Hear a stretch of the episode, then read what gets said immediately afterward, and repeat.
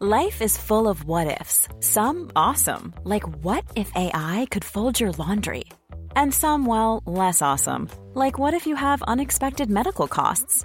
United Healthcare can help get you covered with Health Protector Guard fixed indemnity insurance plans. They supplement your primary plan to help you manage out of pocket costs. No deductibles, no enrollment periods, and especially no more what ifs. Visit uh1.com to find the Health Protector Guard plan for you.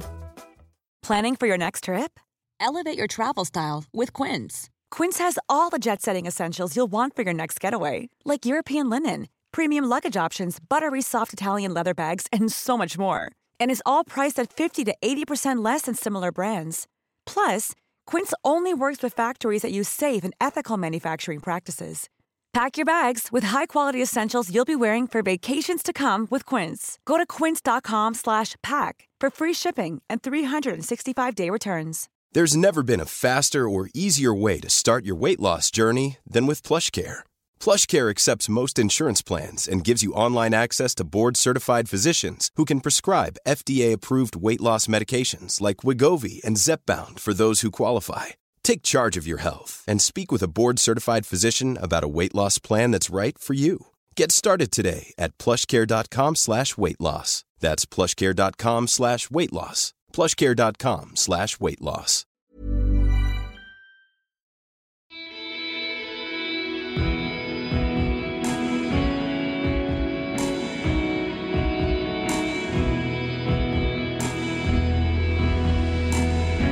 Hei og velkommen til Kaptare podkast, episode nummer 11. Jeg heter Marius, jeg er din vert. Jeg er også produsenten av denne podkasten. Og lydteknikeren og fotografen. Um, ergo, det er et uh, soloprosjekt, dette her. Veldig moro. Jeg uh, har satt meg ned denne uka og snakket med et par. Uh, og det var jo et lite forsøk på om vi fikk det til å fungere. Uh, litt med tekniske utfordringer, selvfølgelig, når man er uh, tre stykk enn to. så lyden denne gangen bærer vel kanskje litt mer preg av at vi er tre. Det vil si, lyden er ikke dårlig, men den måtte jobbes litt mer med. jeg tror ikke dere kommer til å legge sånn spesielt merke til det, men det er litt mer klang og sånn i lyden. Jeg har skrudd og gjort mitt beste i forhold til mine lydteknikerkunnskaper. Som jo ikke er massive, men uh, med et par sånne YouTube-tutorials så får vi det til. Jeg har jo ikke all verdens tid å sitte og klippe og deale med dette. Det er jo derfor jeg gjør det som jeg gjør. Jeg spiller inn intervjuet. Jeg lager en intro og en utro, outro, eller hva det heter, på slutten, og så setter jeg det sammen. Og så setter jeg volumet så godt jeg kan i forhold til at det blir høyt nok. Når jeg hører på podkast, er i hvert fall utfordringen noen ganger at jeg syns det blir for lavt. Og det er Det handler vel om at det headsetet jeg hører på, som er det standard iPhone-headsetet, det er ganske lavt satt, vil jeg tro. Og det regner jeg med fordi at Apple er redd for å bli saksøkt hvis noen skader øra sine. Alle andre uh, headset kan jo skrus ganske høyt, men jeg bruker mitt som referanse, så hvis det høres greit ut uh, på det, så skal det høres greit ut hos alle. Uh, og det er ingen som klager på lyden foreløpig, heller motsatt, at lyden er god. hvor var vi? Jo, jeg har med meg et løpepar. Runar Sæther og Laura Bucker. Um, Runar er norsk, Laura er engelsk, så denne gangen så går det på engelsk og norsk. Eh, sånn som jeg har hørt det, så syns jeg det funker ganske greit. Jeg regner med alle skjønner engelsk like godt som norsk, men det er en liten miks der, altså. Det var faktisk ganske morsomt. Um, vi satt her en kveld og um, koste oss med litt uh, soppte, soppkaffe. Håper dere likte, likte den, Runar og Laura. Jeg tror dere gjorde det. Uh, jeg møtte vel Runar og, og, Laura på Parkrun, som vi har snakka om tidligere her på podkasten. Parkrun uh, snakker vi om ganske mye denne gang. Så hvis det er noen som ikke har hørt om Parkrun, eller ikke har løpt Parkrun ennå, så kommer de til å få deres dose nå. så er det bare å, å komme seg bort i Tøyenparken på lørdager klokken 09.30. Så ses vi der. Jeg prøver å stille så fremt jeg kan. Um, ikke så mye mer å si utenom at det er 1. april i dag. Ikke noe vits å kjøre en aprilsnarr her på podkasten, siden mange kommer til å høre en annen dag, men uh, jeg må innrømme at uh, jeg kjører en liten aprilsnarr på Instagram akkurat nå. Regner med at en del uh, kommer til å ta den. Um, ellers er det, ja, det er 1. april, det er en ny måned, det er vår, det er en ny uke. Jeg håper dere har hatt en god løpemarsjmåned. For min del var det en all time high, for å si det på godt norsk. Eh, tidenes løpemåned for min del eh, tikket inn på rundt 268 km som var minst 20 over mars fra i fjor, som var forrige rekord. Uh, 2,35 av de har vel gått ute, resten inne på, på mølla. Det er jeg veldig fornøyd med. Jeg kjenner det i beina, absolutt. Uh, forrige uke var uh, toppmåned også, med 68. toppuke, mener jeg. jeg kjenner det. Det var også ispedd litt sånn en liten fest der innimellom og sånn, så jeg har hatt hatt en litt tøffere uke enn vanlig. Så når jeg sitter her på en mandag nå, så kjenner jeg at det er veldig godt å ta seg én dag helt fri fra løping. Det er det. Det er viktig å ta seg en hviledag innimellom, samme hva du trener til. Ta en hviledag innimellom. Gjerne på mandag. Uh, jeg skal uh, gi et lite kudos til min gode venn Stig Rasmussen, som har vært her på podkasten. Han har uh, prestert å løpe i mars måned. 603 km. Så da kan jeg bare si, Stig, hvis du hører på nå, så håper jeg at uh, du passer på deg selv, ikke sant? Men det gjør du. Jeg vet at du passer på deg selv. Uh, uh, ellers så vil det si at Bare for å ta Strava, da. Vi er litt opptatt av Strava. Men Vi skal ikke være for opptatt av Strava også, men, men, det Stig har prestert, er i den challengen som heter March Running Distance Challenge, er å bli overall nummer 269 av eh, Hvor mange påmeldte? Rundt eh, 300 000, eller noe sånt? Ja. Hallo i luken, sier jeg da. Wow. Det er ganske bra, altså. Uh, selv er jeg vel rundt uh, par og tyve tusendeplass eller noe sånt. Ikke det at det er viktig, men det er ganske utrolig å bli nummer 269 i verden med 603 km. Men Stig, du sa jo til meg at du var fornøyd med 300 i måneden. ok. Uh, du er i hvert fall godt trent i maraton. Husk på nå å bare ta det litt ned, ikke sant. Men samme om du løper 600, 268, 114 eller 92, så lenge du holder det gående. Kontinuitet er vel nøkkelen, ikke sant? Og ikke tren for hardt. Ikke bli skada. Vi skal snakke litt uh, om trening i dag også. Uh, Runar er en veldig rutinert løper med veldig gode resultater. Laura er en løper som uh, har gjort en del maraton. Som har prøvd seg også på ultradistansen. Hun er også Bare tenkte litt på Jannicke Bråte som sa hun egentlig skulle bare løpe ett maraton. Laura også forteller at hun skulle bare løpe ett maraton, men det har blitt ganske mange etter hvert. Uh, og hun skal løpe nå snart, igjen, i Rotterdam. Og sette rekord, selvfølgelig. Men her kjører vi nå Laura og Rune litt på norsk og litt på engelsk. Jeg sitter mm. her med Runar Sæter. Er det riktig uttale? Ja, det må vi kunne si. Ja. Ja. Og uh, Laura Bakker. Ja. Hvis that also so correct? Bra. Yeah. And you're married? Nei, Almost. nesten. Nei, vi gifter oss i uh, august i år. Ah. Mm. I, uh, I, Yorkshire i England. Kult. Mm. Så det blir bra. Uh, but we can do it in English first. How how did you meet? Since you're you're from Yorkshire, yeah. in England. Yeah, so um, basically, I've been living in London for four years and got the opportunity to move to Malta um, with my job.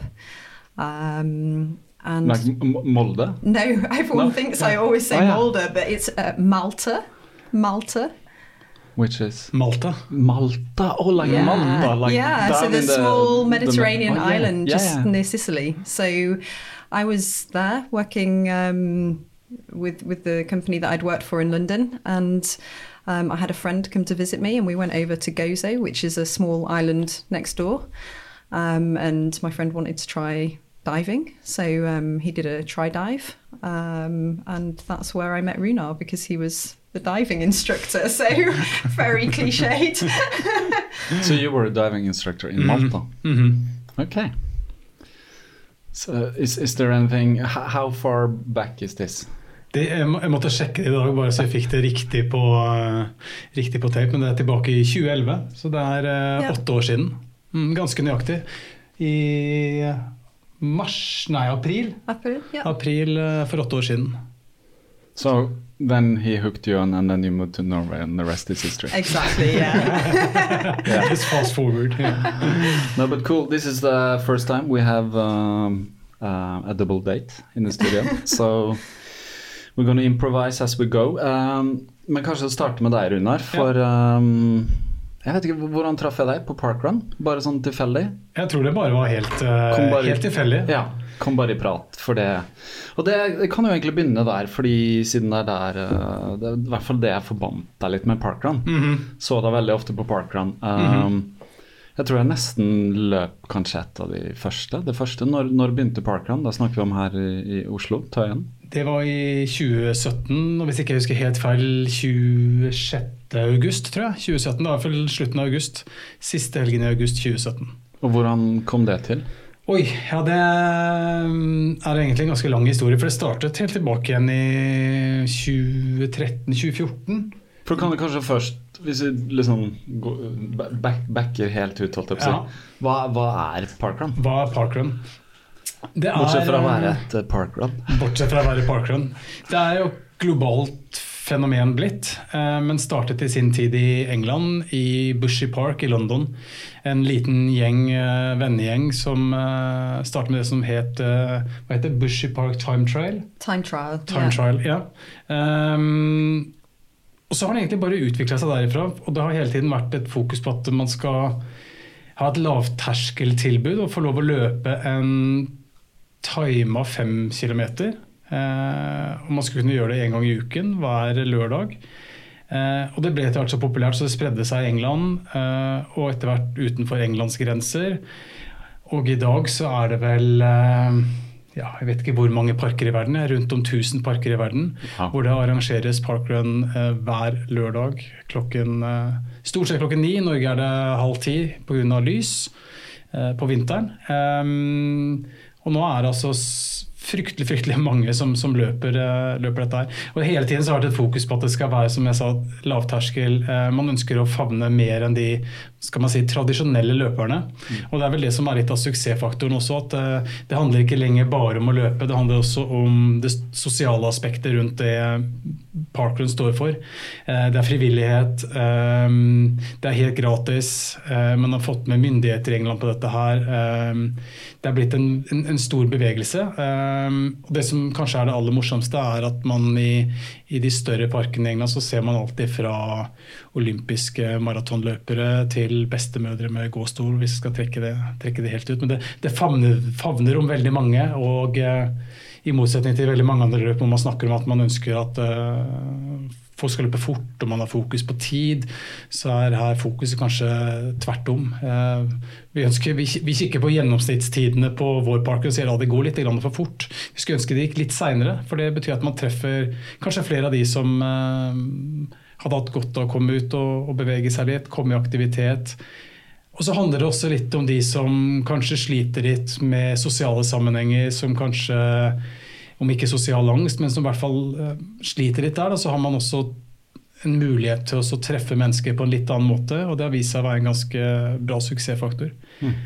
Um, så hva skal man si da? For vår del så har det um, vi, hadde, vi startet med parkrun i, i, England og løpet i England. og i 2014 så hadde jeg um, Jeg kjenner For, fordi du var på besøk hos Ja. La- Laura sin family. Yeah, so it's actually um, my mum registered us both without us knowing and basically presented us with our barcodes when we were visiting. Um, and we had a, a, our first family trip to Parkrun. So yeah, that's that was our first introduction. Ja, det var det. Og det som Ja, tilbake i 20, 2014. Ehm, og på den tiden så var jeg løpeinstruktør i, i SATS. Ehm, men da hadde SATS et samarbeid med et eh, firma i Sverige som heter Urban Tribes. Ehm, og mannen som var ansvarlig der, heter Derry Thomas, og, som jeg etter hvert ble ganske godt kjent med. og han er også engelsk, og kjente også Parkrun fra, fra England. Og spurte meg eh, på et eller annet tidspunkt i 2014 så spurte han meg om eh, hva tror du, tror du Parkrun kunne funke i Skandinavia? Så sa jeg selvfølgelig. Det er jo ikke noe grunn til at det ikke skal funke her når det funker så bra i England. Eh, Men så tok det jo da to år før vi klarte å få det til i Sverige. Hvor eh, Derry startet opp med de første rundene der, og så tok det da ytterligere et år før vi klarte å få det til i Norge. Så det var, det var en ganske lang vei, en litt sånn kronglete vei. eh, Både med tanke på å få med Parkrun på at de skulle utvide såpass stort og ta Skandinavia.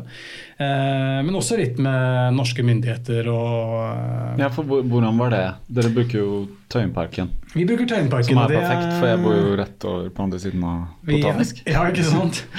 Så det er nært. I dag er vi sjeleglade for at det ble Tøyenparken. Mm. Eh, Var det andre alternativer? Mm. Vi ønsket i utgangspunktet Frognerparken. Det var det vi eh, så for oss i starten. For liksom å ha en sånn, et sånn flaggskip. da, som En park som Frognerparken, som er kjent utenfor Oslos grenser også, så, så var det lett også å velge den.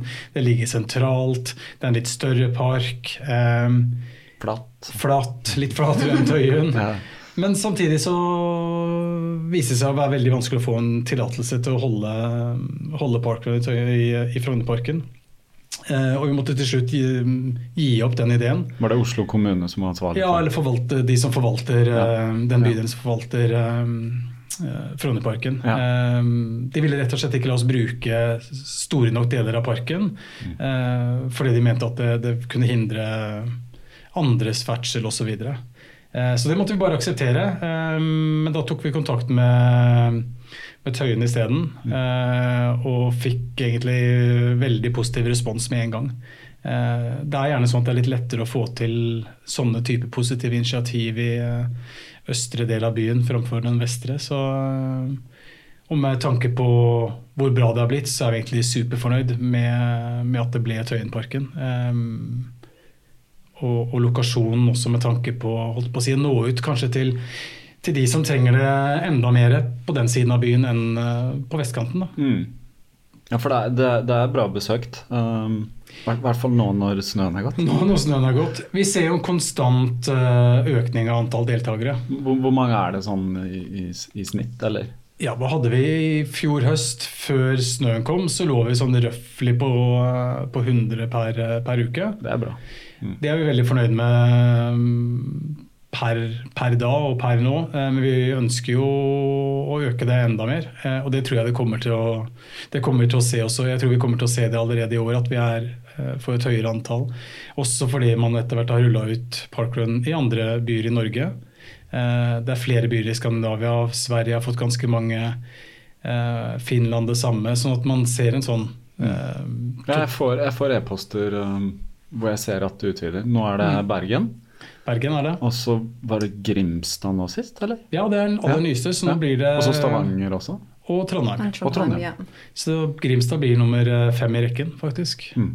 Så det er supergøy. Vi er jo helt avhengig av vi er helt avhengig av at, eh, at det er frivillige som ønsker å Ja. ta den jobben der og så sette opp en parkrun i andre byer. Vi, uh...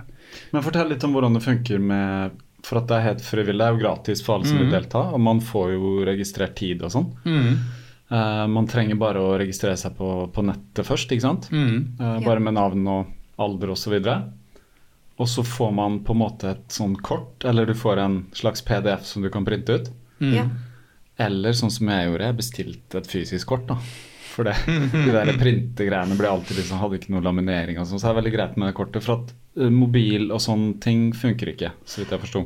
Yeah, unfortunately, um, the, the, Well- the scanners that we have, they're just not high tech enough to read those from an iPhone at Hmm. the moment. So um, we are reliant on people printing those barcodes and Yeah. bringing them with with them. Maybe that when you finally get this thing that can read a barcode on the iPhone, like it will explode. There will be like triple the amount of people because it will be so easy. Because Det der nøkkelen printing the barcode was like it needs to be exactly 100% and fit in, but it's it's not that hard really. I made it, and Yeah. everybody is able to do it. Yeah. Mm. But basically, you go online, uh, or you can just Google Parkrun Tøyen. You Yeah. find the website, you register. Exactly, yeah. Yeah, Register, put your email address in. Um, yeah, and then you get your athlete ID number and your barcode and just, just print it off and, and bring it with you on the day. So, Yeah. yeah, completely free. and But you can run without the barcode. You just don't get a, a yeah exactly register. you just will be shown as unknown on the results so Yeah. it, it doesn't prevent people taking part absolutely not they're still still welcome to come along What surprises me sometimes when I run parkrun is I see something, someone coming the opposite way. Way. that's normally you isn't it like a few Yeah, minutes yeah, after yeah. the start yeah, that's true. I'm, I'm, I'm usually late. I've been a few times, but that's that's because I'm I'm always so um, what do you say? Uh, I I think I'll be able to get there in five minutes. Yeah. So I I like four minutes to half. I, I'm like out the door. Det liker å kalle tidsoptimist. Yeah, yeah. I'm a tids, I'm a tids optimist. I am. Yeah, but for me it doesn't matter because I think only once uh, of those uh, 23 park runs I've done, Yeah. I've tried to actually run fast. yeah Uh, only once uh, because it never really fits into the schedule of the training. So the park run is always like a recovery, yeah and it's nice to just. It's just a nice thing to do before breakfast, at least for me. Um, it's a good start to the weekend it's a good start of the weekend, yeah. But where were we? Yeah, I, I had a question about actually the the barcode thing, because how can you connect the exact time to the exact person? yeah I've been that- thinking about that. How do you do that? Is it like that's exactly what I was thinking when we first started getting involved. yeah, because you you you get like and really exact. There's Yeah. someone with a stopwatch. Yeah, so what happens is we, we normally actually have two people doing the timing just in case somebody makes a mistake. So we've always got a backup. Um, so when we start, we basically click the stopwatch and the time starts running. And then every time someone comes through the finish funnel, we click the stopwatch and it logs the time. So um, let's say you were first through the finish funnel, um, you would be clicked as time number one. Uh-huh. Um, and then you get your finish token, which also says number one on it. And we scan your finish token and your barcode. Um, and then after we finished, we basically load in all the stopwatch data. So for every finish position, there is a time. And then for every finish token, there's a related barcode. So that's that's how it works. And um, it's quite straightforward, but we have had um, a few times where we've had mistakes, people going through the finish funnel twice, or you know things haven't been scanned correctly. But um, normally we've been able to to work it out and you know get everybody the right result. Yeah. So yeah, it's it's fairly accurate and it allows people to be able to track their progress Yeah. and it's all online. They can see how many times they've done a park run and Yeah, you get an Yeah. e- email afterwards. yeah, uh, like a couple of hours or something after, and it says these were the results, and you can see uh, your time, all the other runners' time, and how what's your best time is always there. Yeah. And and the other thing it shows you is like an age graded score. Yeah. So you can compare yourself to other people in your age group as well and see how you've performed. And other age groups, And- actually. yeah. Or yeah. if someone is doing a 67%, Yeah. 20 to 22 or something, and you're like 40 to 44, you do a 68, you actually did better, even though you came behind. Exactly, yeah. So it kind of That's makes what- a level playing field and you can Yeah. compare yourself to everyone yeah. else. Yeah. Jeg tror folk setter pris på det, at man, eh, man har muligheten til å sammenligne seg litt på, Mm. på tvers av eh, aldersgrupper. Det, det er en ekstra, det er en morsom ekstra greie med, med parkrun også. Yeah, I think the cool thing is that you have uh, how many you run, which Mhm. I, I like numbers and stuff, so I think it's really cool. And now I'm closing up to 25, and then you get this 25 little icon on your.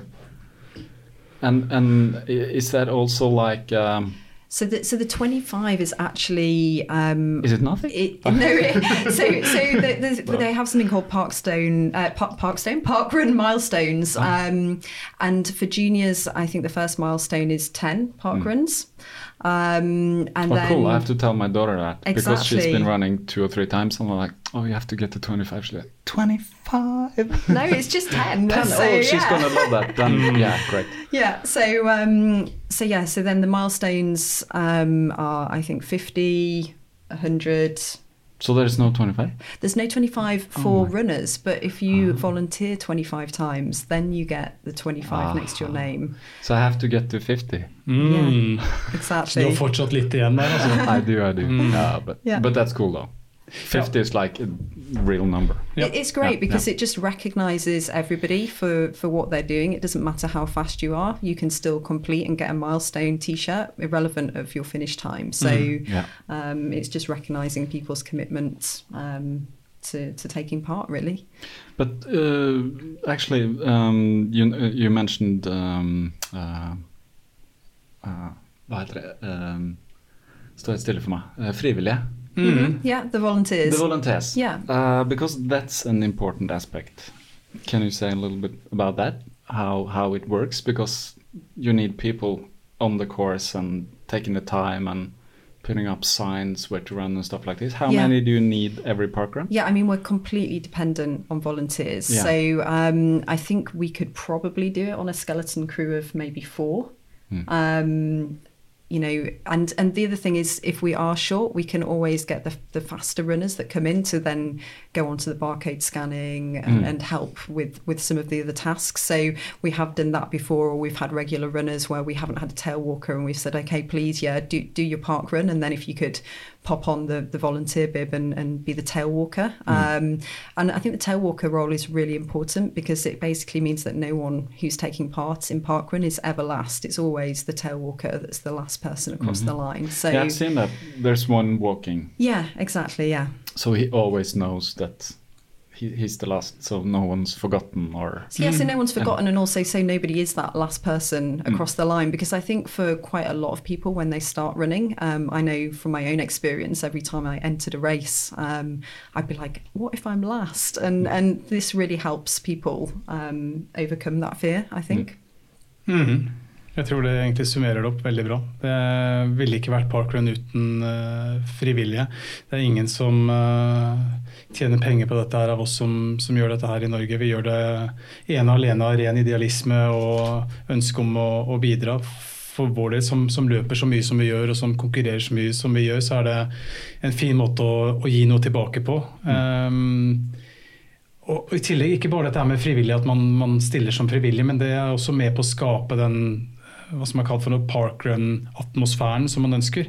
Eh, parkrun er ikke oss og dem, men det er vi som en helhet. Både de som løper og, og de som er frivillige. Eh, og det er mange som har langt flere dager som frivillige enn som, som løper også. Så eh, Jeg må innrømme at jeg har sett mange av de samme mm. eh, som står der. Det blir jo sånn, altså det blir en veldig sos- sosial eh, greie, og det blir nesten som en liten ekstra familie. Man blir eh, eh, veldig godt kjent med mange mennesker. Vi har møtt veldig mange mennesker som vi ellers kanskje aldri hadde truffet, og som i dag er blitt veldig gode venner. Så eh, det har vært en eh, fantastisk måte å, treffe folk på, og jeg tror det betyr noe for veldig mange. og Det er vel kanskje litt av grunnen til at det også appellerer ganske mye til eh, innflyttere til, eh, til Oslo og Norge. Jeg ser, det, det eh, er mange briter. mye briter, mye utlendinger om du vil, som, som er her i jobbsammenheng, som, som bruker dette som en, en måte å komme i kontakt med andre på. Eh, og det er en superbra måte. Men vi ønsker jo også at dette skal ikke bli en sånn expat-ting. eh, ting. Det skal på en måte være en eh, eh, vi ønsker så mange norske løpere som mulig, og det skal på en måte være åpent, åpent for alle. Eh, For hvilke kanaler er det på en måte dere blir promotert gjennom? Eller hvordan får folk vite om parkrun? er det mye eh, word of mouth? Ja, ikke sant? Det det. Jeg kan ikke huske hvordan jeg hørte om det, eh, egentlig. Men- Nei. Så har vi hatt Kondis med på laget fra start. Ja. Det, må jo, det må sies. De har vært eh, ekstremt eh, bra for oss. De har vært utrolig til stede.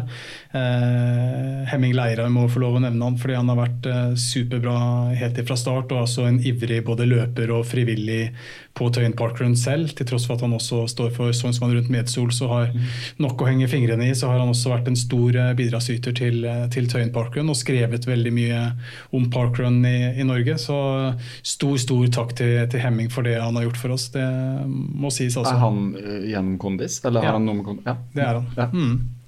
Så, det, så, Kondis har vært, vært, viktig for oss i så måte, og særlig med tanke på nå hva skal man si, for den typiske løpepublikum i Norge. Men så, som jeg nevnte tidligere, så er det veldig viktig for oss. Vi, prøver jo å nå de som kanskje ikke er de typiske løperne. Som man har prøvd gjennom kanaler for uh, hva skal man si for noe, de med barnevogner og mm. Man prøver å nå helt andre, andre mennesker. da. Uh, gjennom andre kanaler, uh, Facebook-grupper. så vi prøver å tenke litt utradisjonelt. Ja. og se om, om, vi kan nå, nå de også. Um, ja, for du ser en del løpere på parkrun som du ikke kanskje ser i en halvmaraton eller ja. maraton. Eller er, noen som er, har litt sånn helsemessige utfordringer og absolutt. som gjerne løper, går og til og med bare går hele. Ja. Og tar den tiden det tar. Ja, det er ganske mange, og det, vi ønsker enda flere av de. Mm. Eh, vi ønsker å være en positiv bidragsyter i, i, folks liv og være med å påvirke folk til til å se gleden av en, en litt mer aktiv eh, livsstil. da. Mm. Um, og det er, eh, det er, viktig for oss å nå de som, som, man, som, du sier da, som ellers aldri ville vært på et løp, som kanskje aldri ville stilt med et startnummer på brystet. For det, ja, for terskelen blir for høy. Ja, det er det den gjør. Og det, her handler ikke om det i det hele tatt. Selv om ja, du vil tiltrekke deg de raske løperne som kommer for å trene, som kommer for å sette pers, for å mm. sjekke form osv. Men storparten av de som kommer, er ikke de menneskene, og, og, og, er kanskje ikke de vi aller helst ønsker å nå. Men som jeg nevnte tidligere også, jeg synes for meg som, som, er en veldig sånn konkurransedreven løper, så, så, så, er noe av det med, som gir meg størst glede med parkrun, er den der store variasjonen med, med, de supergode løperne. De kan matches, og så er det alle de andre også. Og etterpå så er man på en måte eh, akkurat de samme. Man er like mye verdt uavhengig av hvor fort man har løpt, og man har akkurat like mye moro sammen etterpå. Um, og for å på en måte bygge under den sosiale biten, så er jo den det med å møtes til en kaffe etterpå er også super, superviktig. Mm. Um, det har jeg aldri vært med på. Uh, nei, da er det på tide, Marius. Det er det, men det, det, er nesten alltid sånn at jeg er litt med A-menneske, min kone er B-menneske, så ja. det er frokost når jeg kommer hjem. Ah, jeg så det er liksom så jeg kommer hjem litt over ti, eller noe sånt, ja. så er det frokosten. Men det er ganske morsomt. Uh, men jeg kunne godt tenkt meg absolutt ja. uh, Det er bare å ta frokost tidlig, eller altså, Det er jo ikke noe sånn at ingenting at the cafe and have, uh, ja, ja, ja. Have, men hvilken kafé so, um, the, the Handbook Botanisk ja. in the Botanical Gardens. Botanisk, so really good mm. cinnamon buns. Ja. Yeah. And they have a nice outside. Uh, yeah, it's so great in the summer. Yeah, yeah, yeah, I, yeah, And and to be honest, even during the winter, we now the cafe is full with park runners on a Saturday yeah. morning. So um, because you get there basically a little bit before everybody else. Yeah, exactly. yeah. Så jeg håper jeg må gi eh, kudos til de også, for de ja. også har vært uh, Håndverk Botanisk har vært uh, supergreie med oss. og Jeg håper at vi har kunnet gi noe tilbake i form av at vi gir litt, litt business. Men akkurat den der kafébiten, det er noe man Når man setter opp en parkrun da, første gangen, så er det en av de tingene som man søker etter. Når man mm. velger park og lokasjon hvor man skal sette opp en parkrun, mm. så skal man ha tilgang til en kafé i nærheten, sånn at man kan ha den sosiale biten etterpå. Så for den er så viktig for det som kanskje ikke er det løpsmessige, men den sosiale mm. biten mm. av det med, med, parkrun. Og jeg tror På det meste så tror jeg vi har vært 40-50 mennesker i, eh, på Håndverk botanisk. og Det er altså halvparten av de som har løpt, som da har kommet for å ta en kaffe etterpå i, i solen på Håndverk botanisk. Det er jeg skal, jeg skal klare det nå i løpet av Det er jo rett og slett, altså det er et steinkast unna der jeg bor også. så... Bare å få seg et par dadler før Jeg, snakka med Nicolas om det at jeg pleier å spise Jeg drikker en kaffe og spiser dadler, og så løper jeg parkrun. Ja, det gjør jeg. så våken at uh, Joho. Uh, nei, og så har jeg tatt med datteren min, um, mm. som nå er ti. Uh, hun har løpt to-tre ganger. Og da oppdaga jeg Det er litt sånn morsomt, for jeg oppdaga noe nytt med henne. Og det er at hun hater å tape. noe som er helt utrolig, for vi løp, og så sa hun å nei, nå kommer vi, vi blir jo langt bak, og vi er sist og sånn. Så sa jeg nei, vi er ikke sist, det er noen bak. Jo, vi er sist. Og så ble hun, jeg hadde den der tyrannen. Nei, nei, nei, det, du konkurrerer bare mot deg selv, og det er jo ikke mm. viktig å slå noen andre her. Sånn. Jo, og så husker jeg om besinna hadde løpt fra meg.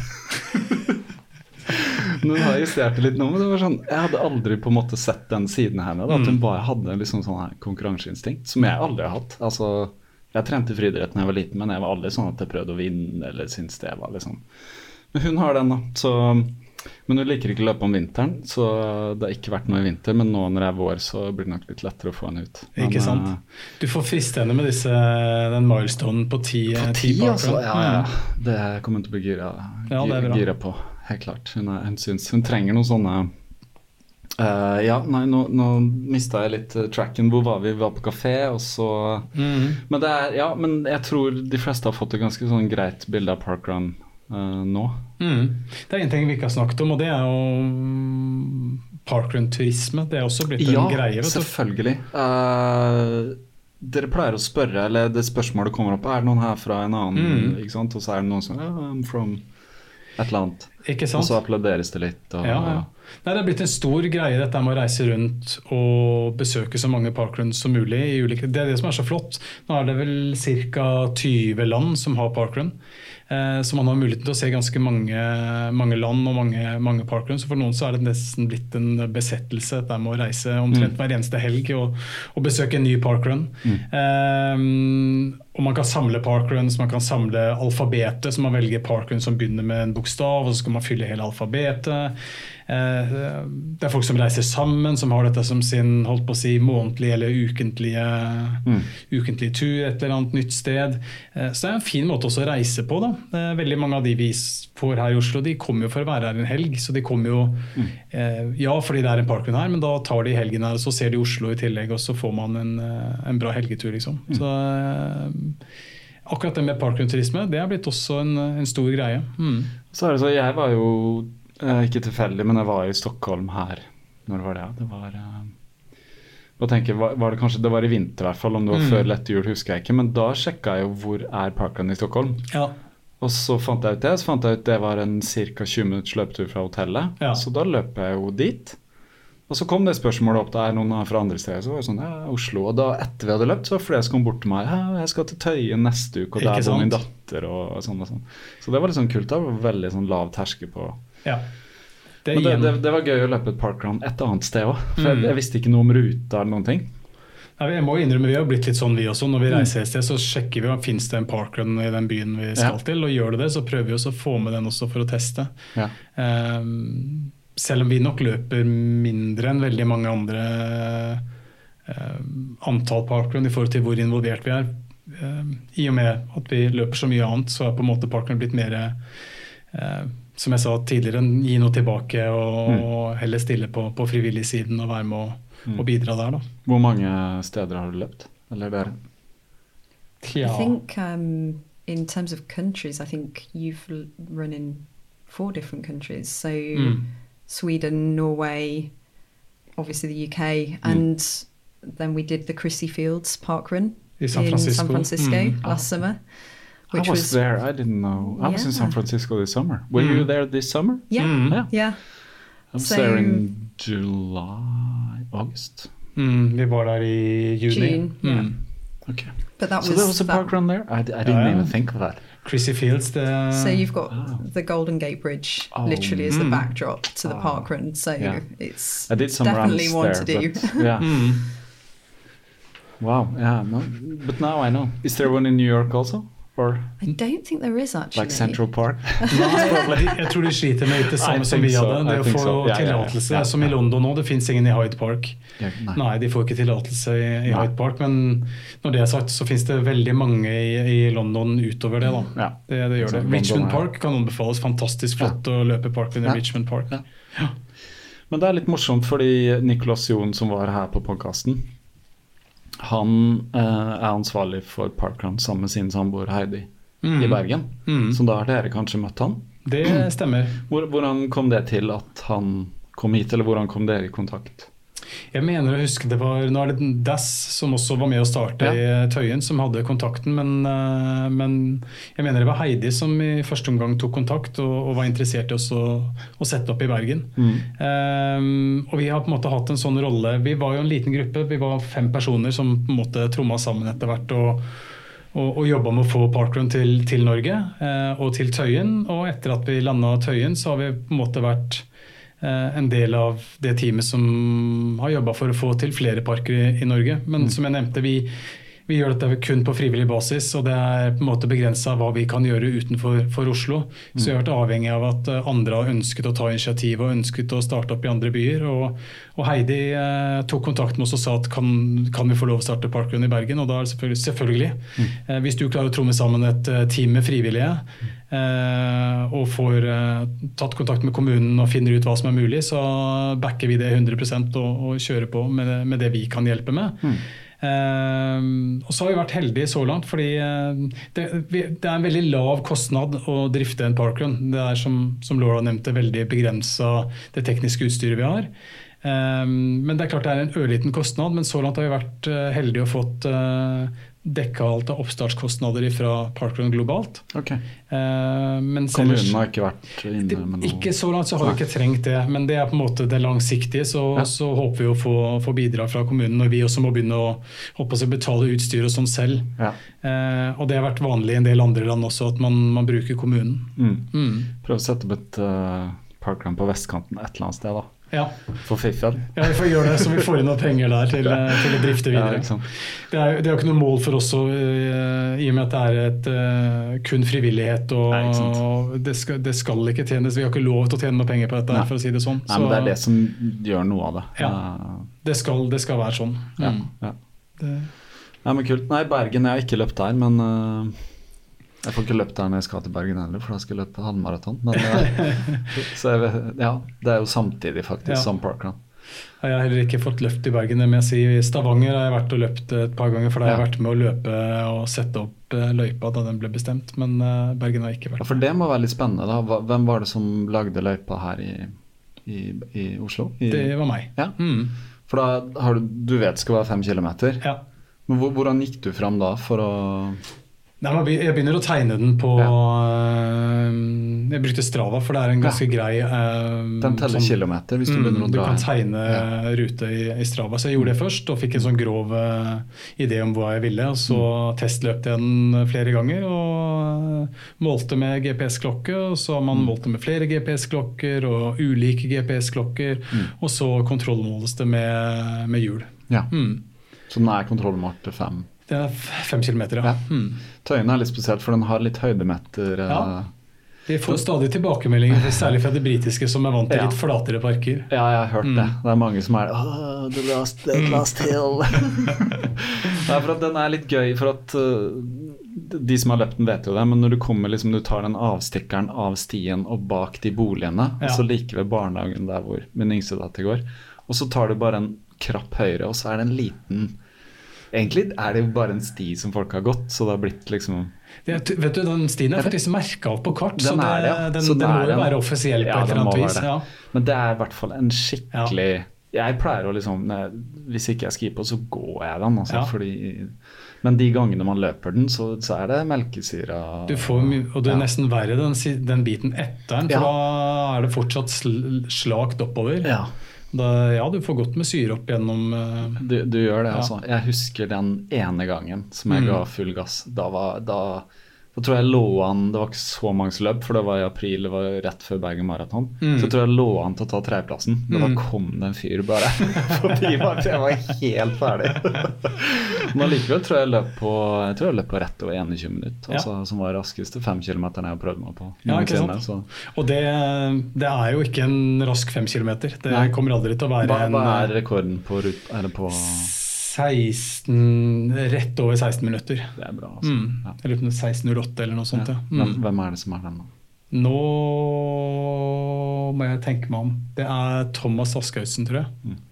Jeg kjenner ikke til han, jeg, men Fra Stavanger. Ja. Mm. Du pleier jo å løpe ganske fort noen ganger. Ja. Gjør du ikke det? Ja, jeg hadde rekorden i eh, ganske lang tid. Ja. Eh, Men jeg er glad noen tok den. Det var litt pinlig å stå som arrangør og Ja, ha ja, rekorden, syns ja. jeg. Men jeg bruker det til eh, trening. Ja. Jeg har gjort det noen ganger, ja. Mm. Og da gir du liksom fullt, eller er det sånn oppunder, eller? Ja, Ja, sånn liksom. oppunder. Ja, Det er vanskelig. Jeg har, eh, I likt med veldig mange andre, så har jeg når det gjelder løp, så har jeg stort sett bare én posisjon, eller to posisjoner. Det er enten av eller så er det på. Ja, ja. Og da løper du med det du har den dagen. Ja, ikke sant. Det, mm.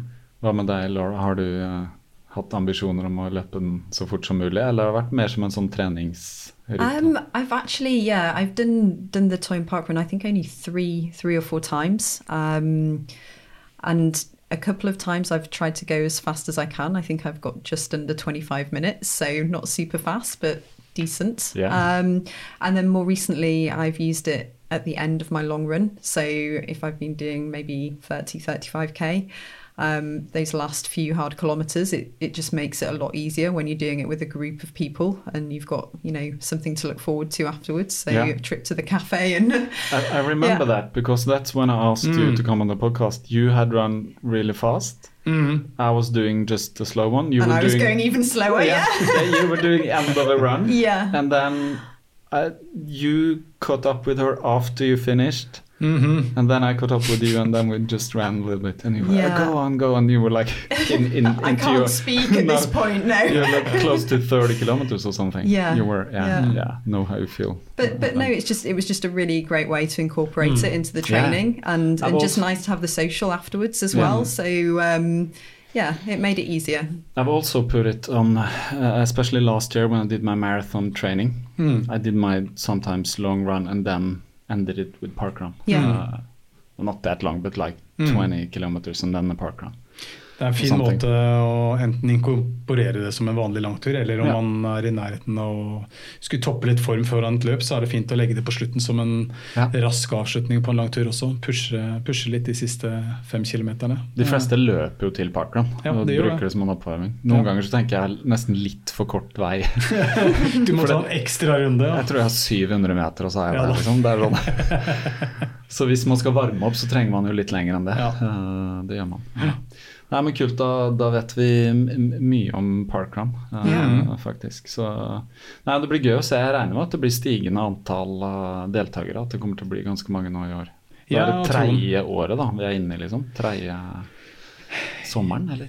Det blir, ja, det var, vi starta jo på sensommeren, så det kan du jo sånn sett Ja, si. At ja. det blir eh, tredje på en måte sommeren vi, vi er i gang med. Og vi hadde jo en fin sånn gradvis økning i fjor, og jeg tror vi får en fin gradvis økning i år òg. Vi hadde um, igjen litt tilbake til dette vi, vi, med, med løpere kontra ikke-typiske løpere, så, så har vi jo ikke så veldig mange av de typiske løperne ennå. Så hvis eh, de også finner på at de skal ta turen, så, så blir det fort ganske, ganske mange flere også. Mm.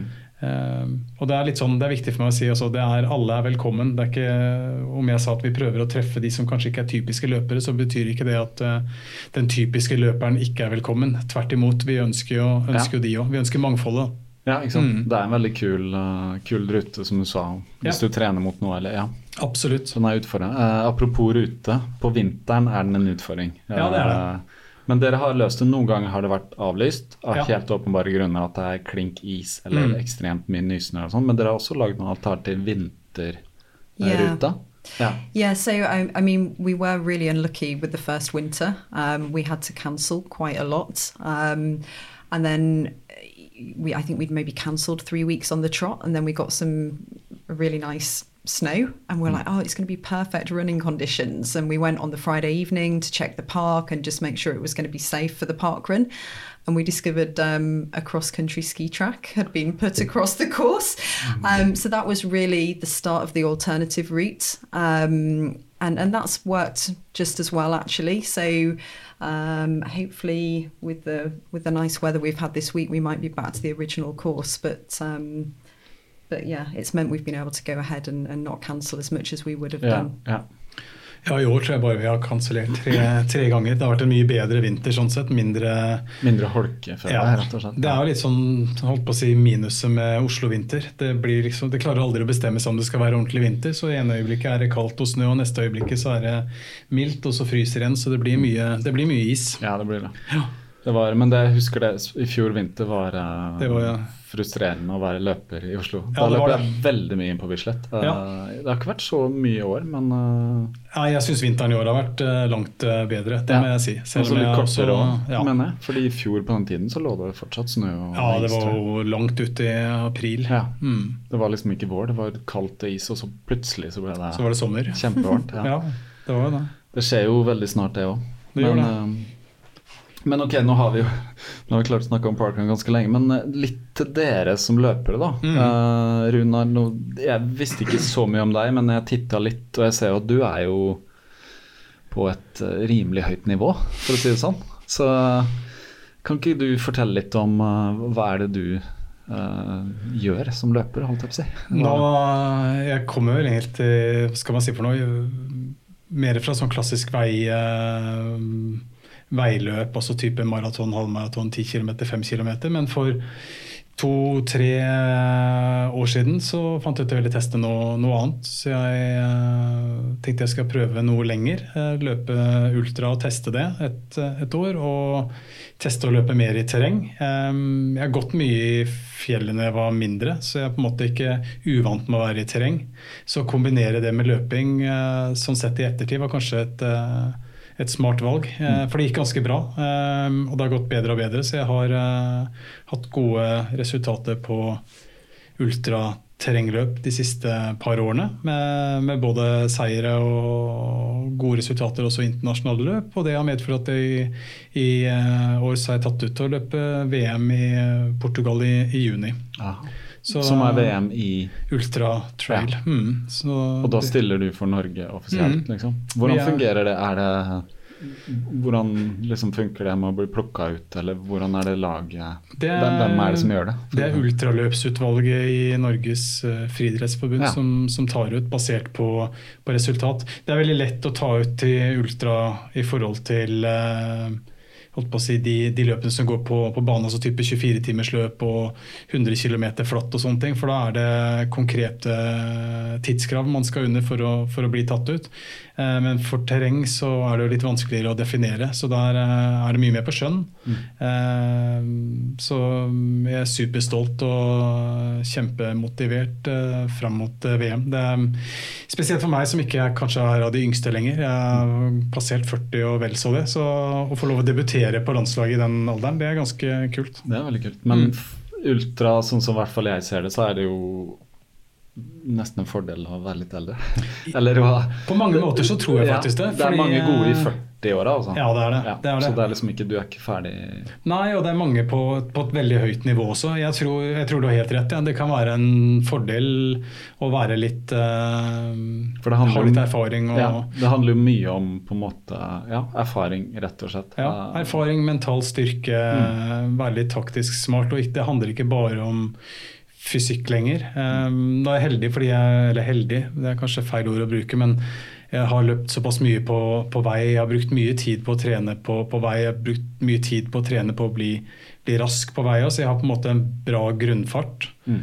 eh, som jeg kan ta inn i, eh, i ultraløpene også. Så, jeg, sånn sett så stiller jeg sterkt der. Og jeg, som jeg sa, jeg er vant til å bevege meg i terrenget som gjør at man har den biten. Og så på toppen av det, da, med litt alder og litt erfaring, så har jeg forhåpentligvis eh, klart å ta, luke vekk noen av de der eh, Mm. dumme feilene også.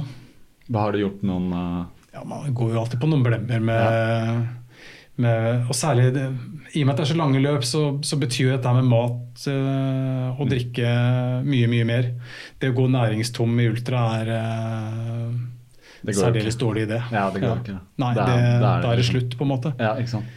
Så den biten har du Ja. fått litt på plass? Jeg hadde et fryktelig Ecotrail eh, 80 i fjor eh, her i Oslo. Ja, Eh, det var jo så grusomt varmt. det var det. Jeg løp 30 Ja. km. Ja. Så jeg eh, gikk rett og slett både næringstom og var dehydrert og løp nok i eh, overkant fort i eh, midtpartiet fram mot 50 km, fram, 50 km fram mot der hvor du hadde starten i Sørkedalen. Ja, ja, ja.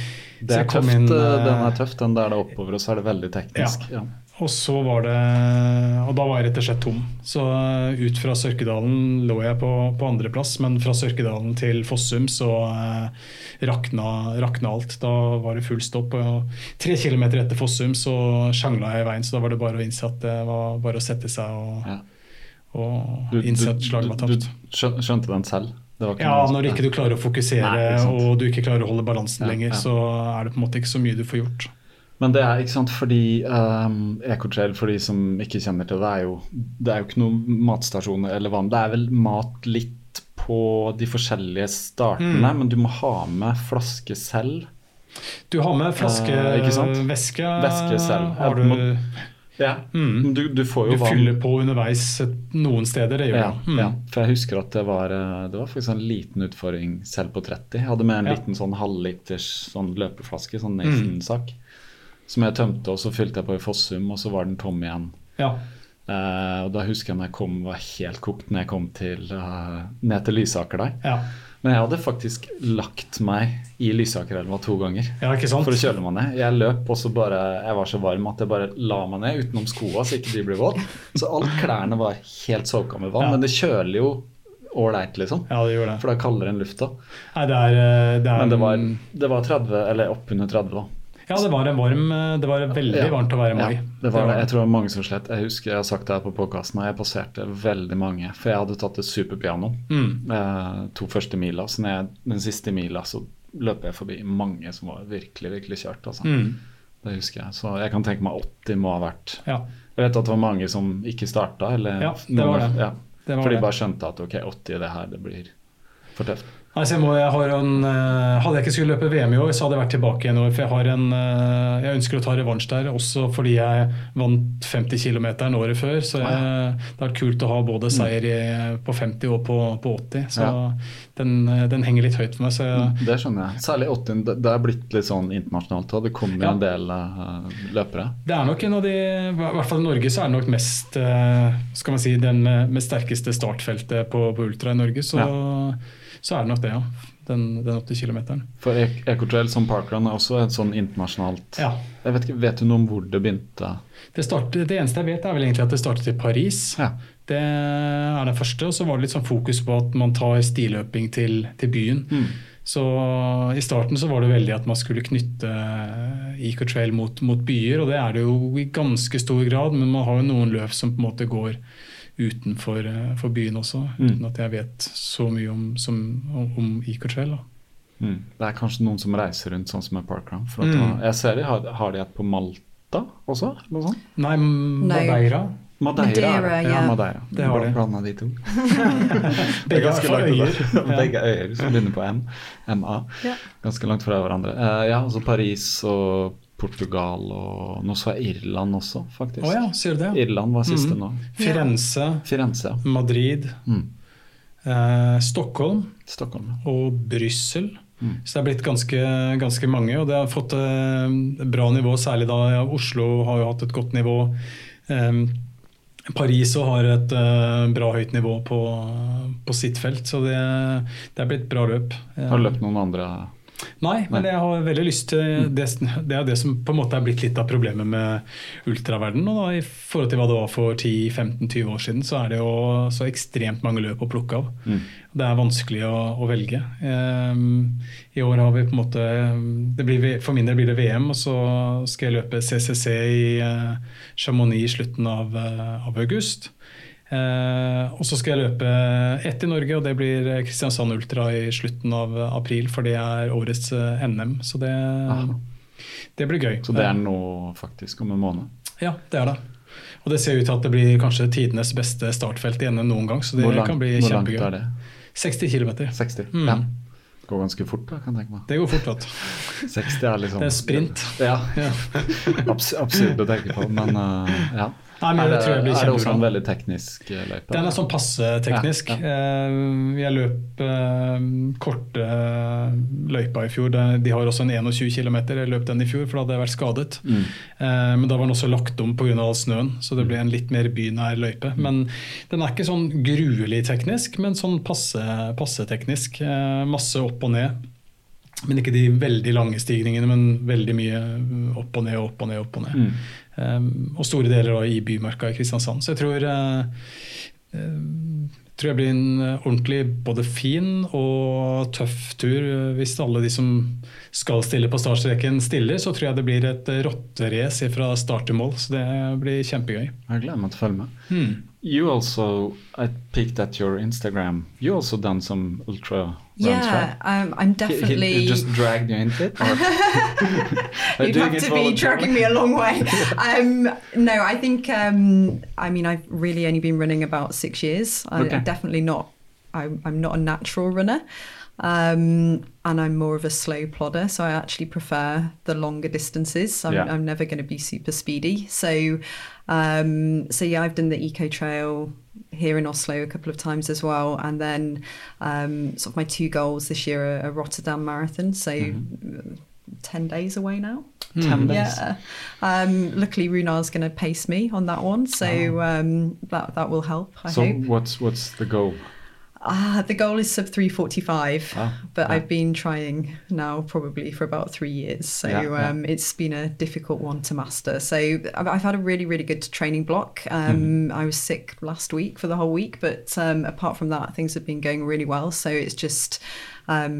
Um, just trying to get mentally prepared. Yeah. Um, It's it's going to be hard. So, uh, yeah, so that's my first goal. And then um, later in the year in October, um, we're heading over to France for the Templier Festival. Mm-hmm. Um, and I'm going to do the endurance trail, which is um, 100k. Um, You've done that before? I did it for the Yeah. first time last year, so that was Yeah. my first 100k. And it's it's also a Western States qualifier if you Oh. do it sub 19 hours, which was what I was really hoping for last year. But it was 19 hours and 20 minutes in the Mm. end, so I just missed out. So um, this year I'm hoping to to go below that and, and hopefully get my first ticket into the ballot. Yeah. So Western States is a um, hundred miler in where is it? Northwest in the states. In, in California. in California, Mm. up north or Yeah. something. Yeah. Ja, Det starter i uh, Squaw Valley ved Lake Tahoe, og så løper man til Auburn. Mhm. Over For det er jo sånn Den har alle hørt om. Det er den, kanskje den mest eh, ikoniske 100-mileren i, Ja. i verden. Og den største og, og eh, raskeste eh, av de store, tenker jeg. Mm. Og sammen med UTMB så er det vel de to som er de mest, mest kjente. UTMB som er Ultra Trail Mont Blanc ja, mm, i Chamonix. som jeg Mm. også har hørt om. Mm. Men uh, har, har du løpt Western States, eller? Jeg har, jeg har løpt 60 km av den, fordi Ja. vi var så heldige at en, eh, en god venn av oss han eh, kom med i fjor. Eh, Så vi reiste til California for å være hans crew under Western States. Og der er det sånn at de siste 60 km så har du lov å ha med deg en, en pacer, en som løper sammen med deg. Man har ikke lov til å bære noe for den som løper, man har ikke lov til å holdt på å si være noe fysisk til hjelp, men eh, mentalt kan man være ja. til stede. For det er, Um, det er helt klare regler på dette. ja, ja, det er det. Så jeg løp som pacer for, eh, for Andreas de siste eh, drøye 60 km. Hvem er Andreas? heter Andreas Claesson. Mm. Ikke hørt om, men eh, Nei, også en eh, har løpt mye, mye ulike ultraløp i, Ja. både her og i, i utlandet. Mm. Hvordan, hvordan var det? Hvordan fungerte det? Nei, Det var en uh, fantastisk opplevelse. Det å få være til stede på Western States, uh, selv om man bare er crew, selv om man ikke hadde løpt også, det er jo et uh, fantastisk sirkus. Og fordi at det er, det er veldig begrensa hvor mange som får lov å løpe hvert år. Det er restriksjoner på nasjonalparken. The, the, the. Man kan forklare kanskje litt hvordan det funker. da. For å helt tatt komme i betraktning, så må du ha kvalifisert deg. Yeah, uh, so yeah. so they have like a list of qualifying races. Um, I think the, the the shortest distance is 100 kilometers. Um, and and basically each race, depending on how tough it is with the amount of climb, has a, a cut-off time. So um, you need to do one of those races within the cut-off time to get a ticket into the ballot. So the first year that you you do one of those races, you get one ticket, and I think the the chance of getting in through the ballot with one ticket is maybe 2 two, eller- yeah, Yeah. under two percent. Um, if you're not successful, um, if you do a qualifying race the next year, you get two tickets. So each year you get you double your tickets, and the percentage probability of getting in increases. So um, so yeah, it can take you know seven or eight years for some people to get in through the ballot, and, and every year they're having to do another qualifying race. Mm. Does that apply to anyone who runs? Or is Nesten. De tar ut i tillegg så um, eh, Alle de som på en måte er topp ti fra hvert år, de får automatisk eh, stille neste år igjen. Mm. I tillegg så tar uh, Ultra Trail World Tour, som er på en måte en rekke løp i, i verden, en, en, og som også er en, på en måte en hva skal man kalle det for noe? En, en konkurranse i seg selv Mm. over flere løp. Der også, de får også et visst antall eh, startende. Eh, og så er det noen veldig få sponsorplasser.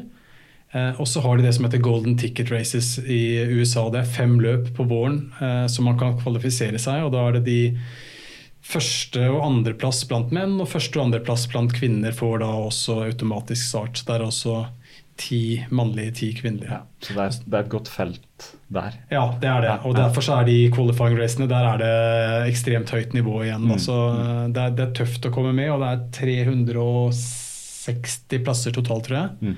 Så det er veldig få som får lov å komme. Men det gjør at når du er der, så er atmosfæren så ekstrem fordi det er så stort samtidig som det er så lite. hvis du skjønner hva jeg mener. Ja, ja. Så du kommer så nære alle sammen, alle disse menneskene som du ellers bare ser på eh, holdt på å si, sånne nerdefilmer som man ser på med ja. Det er blitt en del sånne stjerner i Ja, det har det.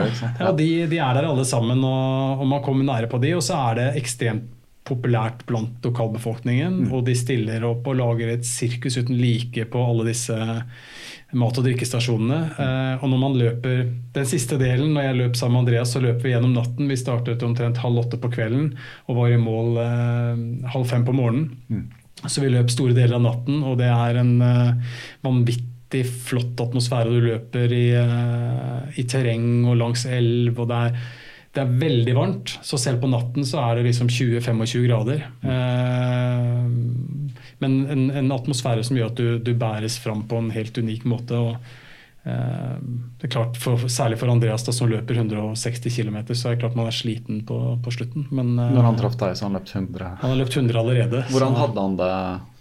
Når ja, jeg er så ekstremt imponert hvordan han, uh, han, gjennomførte. Han hadde et mål om å løpe under 24 timer, og det slo vi vel med ca. 20 minutter. Mm. Eh, han var så positiv og så til stede stort sett hele veien. Eh, han hadde én et parti hvor det på en måte så litt stygt ut, mm. men vi klarte å komme gjennom det òg. Og han fullførte ekstremt sterkt. Jeg er super, super, super imponert over, over, det han gjorde og hvor bra han gjennomførte i et veldig varmt år. Det er mange som, som sleit med varmen. Mm. Og det å da tørre å si og tørre å gå for å, å klare det målet på 24 timer, det er, står det massiv respekt av. Hva var det det handla om når han hadde et tøft øyeblikk? Var det rett og slett man vil gi seg? Man vil stoppe? Man... Nei, det var kvalme. Da. Ja, ja sånn, mm. Så det var en sånn fysisk ja. ja. rett og slett. For det er utfordringen. Du skal spise og drikke, løpe kontinuerlig. Systemet skal gå og gå, og gå, gå liksom, i et døgn. Ja, altså, kroppen tid. er jo egentlig vant til å nå spiser vi, og så ja. fordøyer vi litt, og så er vi ferdig med det, og så skal vi spise igjen. Men så når vi sover, da skal andre ting skje. Og så når du ikke sover, men fortsetter å spise, skjer det kanskje mye. Det gjør det, og så topper du det med ekstrem varme og ekstrem fysisk utfordring i form av at du faktisk beveger deg 160 km på beina, og ikke bare det, men du har x antall høydemeter også, som du skal mm. forsere. Så det er en tøff fysisk utfordring i seg selv med varme og mat og alt dette på, mm. på toppen av det hele. Jeg husker jeg har lest uh, den boka til Scott Jurek, 'Eat ja. and Run'. Ja. Så han beskriver jo uh, Jeg husker ikke om det er akkurat der han beskriver, men han også har hatt noen veldig tøffe Han har flotte beskrivelser fra Badwater, blant annet. Ja. Han, uh, mm. ja. Det er det, det er et enda tøffere løp, så vidt jeg forsto. Ja, I hvert fall mye, mye varmere. Ja, mye varmere, ikke sant? Og løpet i Death Valley er ja. jeg, jeg, skjønner ikke. Nei. Jeg syns bare Ja, ikke sant, Ecotrail 8-29 grader var ja, Det holder. utholdelig. ja. Men det er klart, nei, altså, så Jeg har løpt 60 km av Western States, men det er på en måte, det henger høyt for meg. Jeg, ja.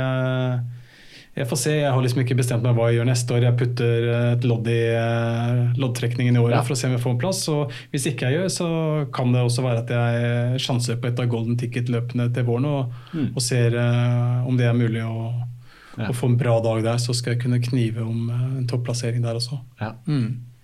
Men det første er nå, som du sa, det her i Kristiansand? Først er Kristiansand. Ja. Men har du gitt deg på maraton og halvmaraton og sånne ting? Nei, eller løper du deg inn Nei, jeg har ikke det, og det er det som er så forbanna irriterende. Fordi jeg Du klarer ikke å bestemme deg helt hva det er? Hadde jeg nå ennå fått ut potensialet mitt på maraton, så hadde jeg nok lagt det til side litt. Du hadde en, jeg titta på Instagram, så hadde du en post hvor du var litt irritert for det. Ja. Du hadde ikke nådd målet, eller? Hva Nei, som skjedde? Jeg sliter med å få ut potensialet på, på maraton. Jeg har nok uh, fått ut mye av potensialet mitt eh, på de kortere distansene, både fem og ti og halvmaraton, som jeg har løpet jeg er godt fornøyd med, men på maraton så har jeg ikke klart å få ut det, det, jeg er god for, og det som trening og andre løp viser at, at jeg er god for. Mm. Eh, noe har vært ren og skjær uflaks, noe har vært eh, idioti fra egen side i forhold til løpsdisposisjon. Eh, og det, og det, var det nok i en viss grad nå også, men, eh, men Hvor var det du løp sist nå? Jeg prøvde Sevilla i, eh, ja. i februar. Mm. Og da var det Nei, Jeg hadde et mål. Jeg vet at jeg skal være god for å løpe ned mot 2,25 hvis jeg har en maksdag. Eh, målet var å løpe under 2,30, for det har på en måte vært målet en lang stund. Der, det er en magisk grense. Mm. Um, ikke for alle, men Nei da, men det er, det er en, en de, de hele tidene. Altså under 4, under 3,30, under 3 Ikke sant. Altså, ja. Akkurat sånn er det for meg også. 2,30 er en uh, kul grense å, å, ha. Jeg visste at jeg på en måte selv med en, bare en OK dag så skulle jeg kunne løpe jevnt på 3,30-fart, som ville gi meg en sluttid på ca. 2,28. Mm. Uh, og Det var på en måte det utgangspunktet jeg satte da jeg startet løpet. og, og det, jeg løp 5 km splitter veldig jevnt på 17,5 minutt fram til uh, halvmaratonpassering, som gikk på 1,14, så jeg lå veldig sånn mm. akkurat der jeg skulle. Mm. Uh, men så hadde jeg noen kilometer etter der som gikk for fort, rett og slett. Så jeg var nok på feil side av den røde linja. Um, og så fikk jeg på toppen av det hele et problem med en klokke som viste at jeg løp forferdelig seint. Uh, som mentalt sett for meg var, uh, var nok til at uh, jeg skrudde av hodet. Så det var da jeg der og da så tror jeg at jeg løper så seint at der forsvinner det den muligheten jeg har til å løpe 3.30, og da forsvinner også absolutt all motivasjon mm. til å pine seg gjennom de siste 10-12 km. Så på 28 km så droppa jeg ut eh, og var ferdig, for da i mitt hode så var det liksom ok, jeg er ikke her for å løpe 2.32, jeg er her for å løpe mellom 2.25 og 2.30, og får jeg ikke til det, så kan det være det samme. Det var på en måte det hodet fortalte meg der og da. Mm. Så jeg, jeg droppa ut, og så ser jeg i etterkant at den farten som klokka mi viste, den stemte jo ikke engang. Mm. Så eh, jeg, Det er rett og slett en GPS-glitch der? Ja, og en, en, litt sånn Jeg skulle nok mentalt sett hatt en litt annen innstilling også, med tanke på at ok, hvis ikke jeg når, når A-målet mitt, hva er B-målet mitt, og hva er mm. C-målet mitt, og hva er D-målet mitt? Um, ja, det, det, det minner meg om uh, en god venn av meg, Stig Rasmussen, som var mm. en av de første på podkasten. Han har også en sånn historie fra Berlin. Mm. Uh, og da tror jeg rett og slett at han trodde han lå altfor godt an. Ja. Og så skjønte han Eller han trodde han var kommet lenger enn han var. Ja. Og så plutselig ser han kilometer, og det er et helt annet sted. Og da bare gikk liksom litt sånn lufta ut av ballongen, ja. og så får man noen forferdelige siste. Det er ganske pussig. Han satt altså. Eller han gjorde ja. det, men det var liksom følelsen, da. Så, ja. ja det, jeg tror det, det, er, det er ganske pussig, det er ganske interessant akkurat hvor mye det mentale spiller inn Eh, på den type løp. Da. Mm. Å løpe en 10 km er ikke mentalt veldig tøft. Det gjør vondt ifra, stort sett fra start til slutt hvis du pusher, men mm. du kommer aldri i en sånn situasjon at du, du, løper så lenge at det mentale spiller like stor rolle som når du kommer over i en maraton. for da det er en så vanskelig distanse, for det gjør etter hvert så vondt over så lang tid på toppen at det varer så lenge mm. totalt sett. Mm. Eh, og det skal så forferdelig lite til før hodet på en måte ikke er med. Så hvis ikke man er 100% forberedt mentalt og har lagt en veldig sånn tydelig plan på, for ulike scenarioer, så tror jeg det er veldig fort gjort at ting rakner. altså. Mm. I hvert fall er det, det, er det jeg opplever. Eh, jeg har løpt, For all del, jeg har løpt gode maraton, men det har jeg løpt i i uh, treningssammenheng, eller når det ikke har vært noe press, hvor jeg på en måte ikke har vært i peak shape. Jeg har ikke vært i superform, men jeg har vært i OK form og løpt på en måte til mitt potensial der og da. Men jeg har aldri klart å få ut potensialet når jeg har vært i toppform, og det er ufattelig frustrerende. Ja, sånn. Så uh, Derfor så prøver jeg igjen. Så jeg skal løpe Valencia maraton i uh, første helgen i desember i, uh, som siste løp for sesongen 2019. Ja. Sett en finger på det. Og så skal du peise Laura I Rotterdam. Det ja. gleder jeg meg skikkelig til. Er, da, er det, da, gjelder det for deg. Then it's up to you. Of Rotterdam. Rotterdam, Rotterdam, yeah, yeah, of course, yeah. yeah. Um, but well, I, how do you look at uh, he's talking about the mental aspect? What, what are the thoughts there are like reoccurring for you when it, you because you, have done quite a few marathons I have, like a dozen yeah, or not, something. not um i mean i've done yeah i've done quite a few marathons. Quite a few of those have actually been just just long training runs. Mm. um and and those are probably the ones I've enjoyed more, where I haven't had that time pressure. Um, I think sometimes you can overthink it. Um, Absolutely. And when as soon as you have one kilometer that's off pace, then you can kind of fall to pieces because you Hmm. mentally you think I, I can't get back from that. Hmm. Um, I think I've had a better training block this time, um, and I think mentally. I'm I'm I'm sort of more prepared for the pain, but also I've got more belief that I can actually do it this time. Um, so it's almost I don't know three years since I did a, a marathon PB, and and Runar was also pacing me then. So um, so that that's good. Um, but yeah, But I just got some, to had some good. You said you had a good training block. Yeah, it's Yeah. just I, I mean actually the the last marathon Runar um, paced me on. Uh, I actually broke my foot during the marathon. I got a stress fracture. So Oh. um, so And the PB. and and the PB, PB. by 14 minutes. So um, I, you know ups and downs, but um, but yeah, I don't. I mean, honestly, I think if Runar hadn't been pacing me on that marathon, I I probably wouldn't have even finished. Um, so that was you know great to get the PB. But it was a bit of a, a setback. Um, so I was didn't did nothing for two months really. So Yeah. then the year after it was more just building back up with volume and, and the first sort of four to six months just running regularly, Mm. no pressure on pace. Um, and I think um, so that was the year before last. And then last year was just a really good year in terms of consistent training and getting my volume up. Which is the Um, key for a marathon. Yeah, which is key. to- so now yeah. it's like um, almost not without trying, but without sort of consciously thinking about it, my my average paces have, have just increased naturally. Yeah. Um, it's obviously taken a long time to get there, but I feel much more comfortable running at marathon pace than ever before. And and in my training, I've been doing a lot longer. Um, segments at marathon pace so Yeah. mentally i feel more confident going in and I, I think this time i actually believe i can do it but you know it is the marathon so you never know what's going to happen on the No, day so no, um, so yeah i'm going to just go in and give it my all and just be prepared for for the pain that's going to come uh, Yeah. around Yeah. you know 30k Yeah. 35k so Yeah, I've felt that absolutely. I had my first marathon last year. Okay. Uh, And how in- was that? in Bergen? No, well, I've, I've talked a little bit about it here since it's my only marathon. So everybody, I, I tell the story to everyone. So I guess the listeners are a little. But no, I I've, I had uh, I was like empty at round thirty. So it's just very painful the last ten, just walking, running, walking, running. yeah So um, yeah, but the next time I'm I'm gonna take it slower in the beginning. But I, I, I don't really don't want to run a marathon uh, uh, soon. Uh, I, I, I want to continue with the half marathon, yeah and I'm gonna do the 30k at um, Eco Trail. But I have been thinking because uh, I'm going to run the half marathon in Oslo in September, okay yeah and I started to play with the idea of maybe doing the marathon instead. Since I have to run Oslo Marathon at least once, hmm. since I live around Yeah. Bergen. So maybe I'll do it. I'll see because yeah, it's been a good training block for me also. Hmm. Uh, actually, yesterday or today I checked Strava to see how much I've run this year compared to last year, and I'm actually a little bit ahead in kilometers hmm. yeah even though now I'm training for a half marathon. and Last year I did. The difference for me has been uh, less longer runs, or not that far, but uh, I've run more often. Hmm. Hmm. So instead of four times a week, I've been up to five and six times a week. Yeah. Hmm. And I can really notice the difference when it comes to speed. And there's been some really tough intervals.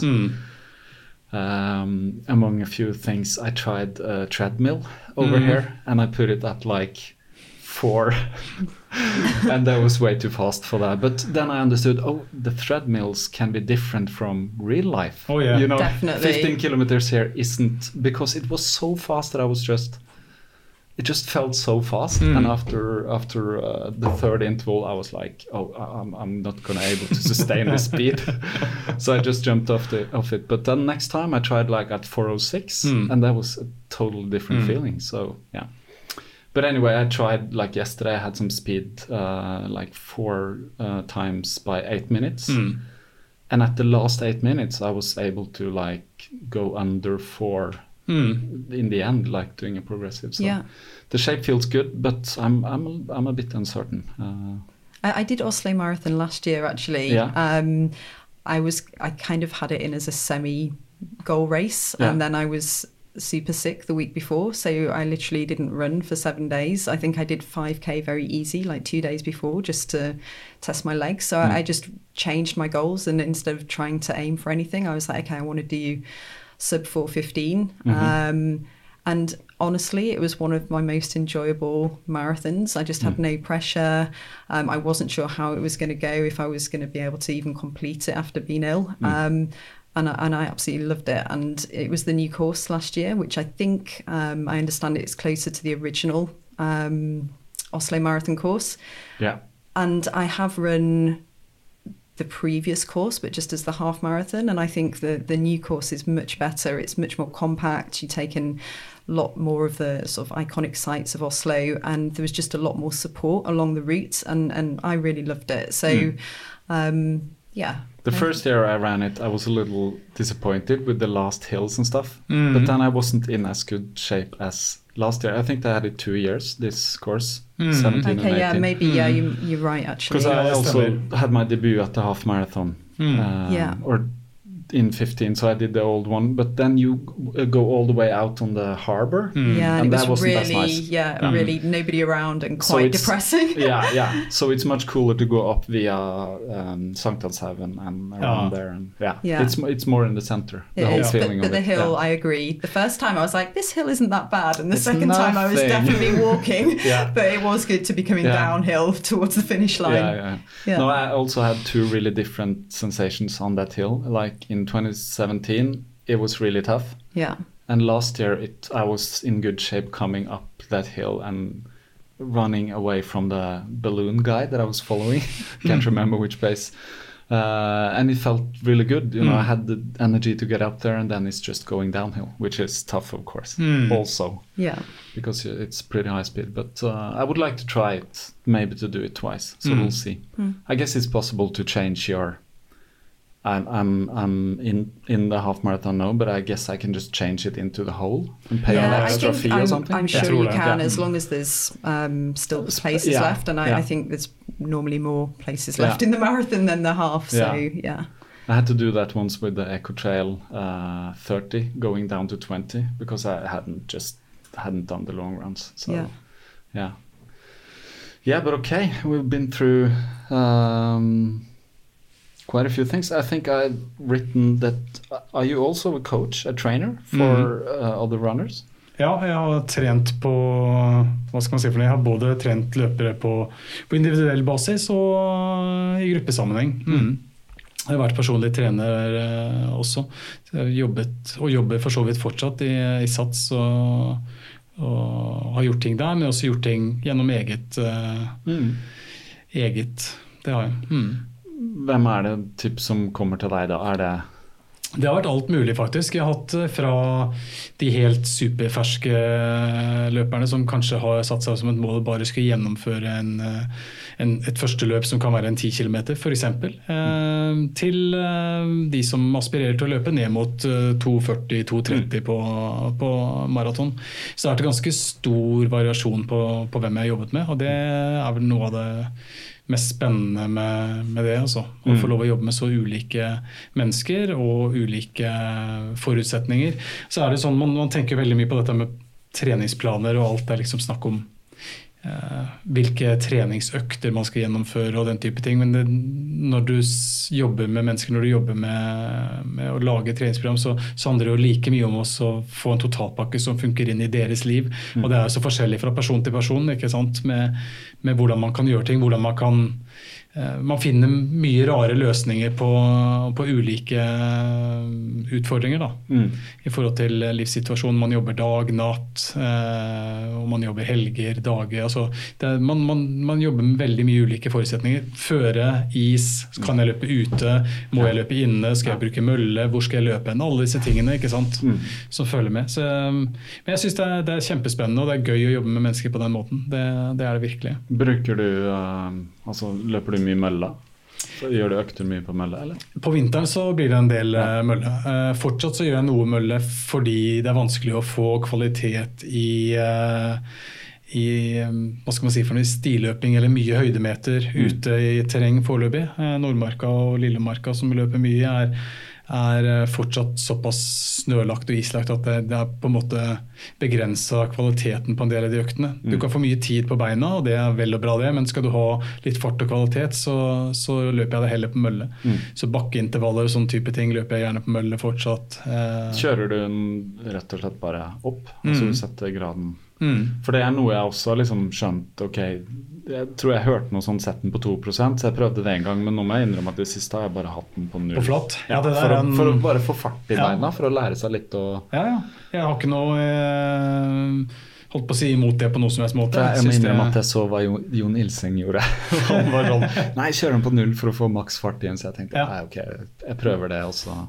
Ja. Og han var jo her og snakka litt om Han har sånne super eh, spesifikke økter Ja. på mølle, hvor han er sånn skal løpe så og så lenge på 3.20 og 3.25 og sånn. Ikke sant? Ja. Jeg har også sånne eh, økter, men mindre grad nå enn det jeg hadde tidligere. Fordi Mm. jeg trener litt annerledes i og med at målet er litt annerledes enn Ja. hva det pleide å være. Klart Maratontreningen eh, ligner nok mer på det, selv om jeg prøver å løpe eh, mye ute da også, og i vinter vært så mye som mulig på, på asfalten. Nå er vi så heldige at Frognerkilen i Oslo har vært eh, isfri nesten hele Mm. vinteren. og Det betyr at man har 3-4 km som man kan løpe tur i tur og Ja. faktisk kjøre langtur i Der ganske høy fart. flatt. Ja. Ja. Jeg, løp, jeg løp faktisk der i går. Ja, eneste jeg syns er kjedelig, er mye trafikk. da, så Det er liksom- minuset. Luften er jo ikke superbra. Nei.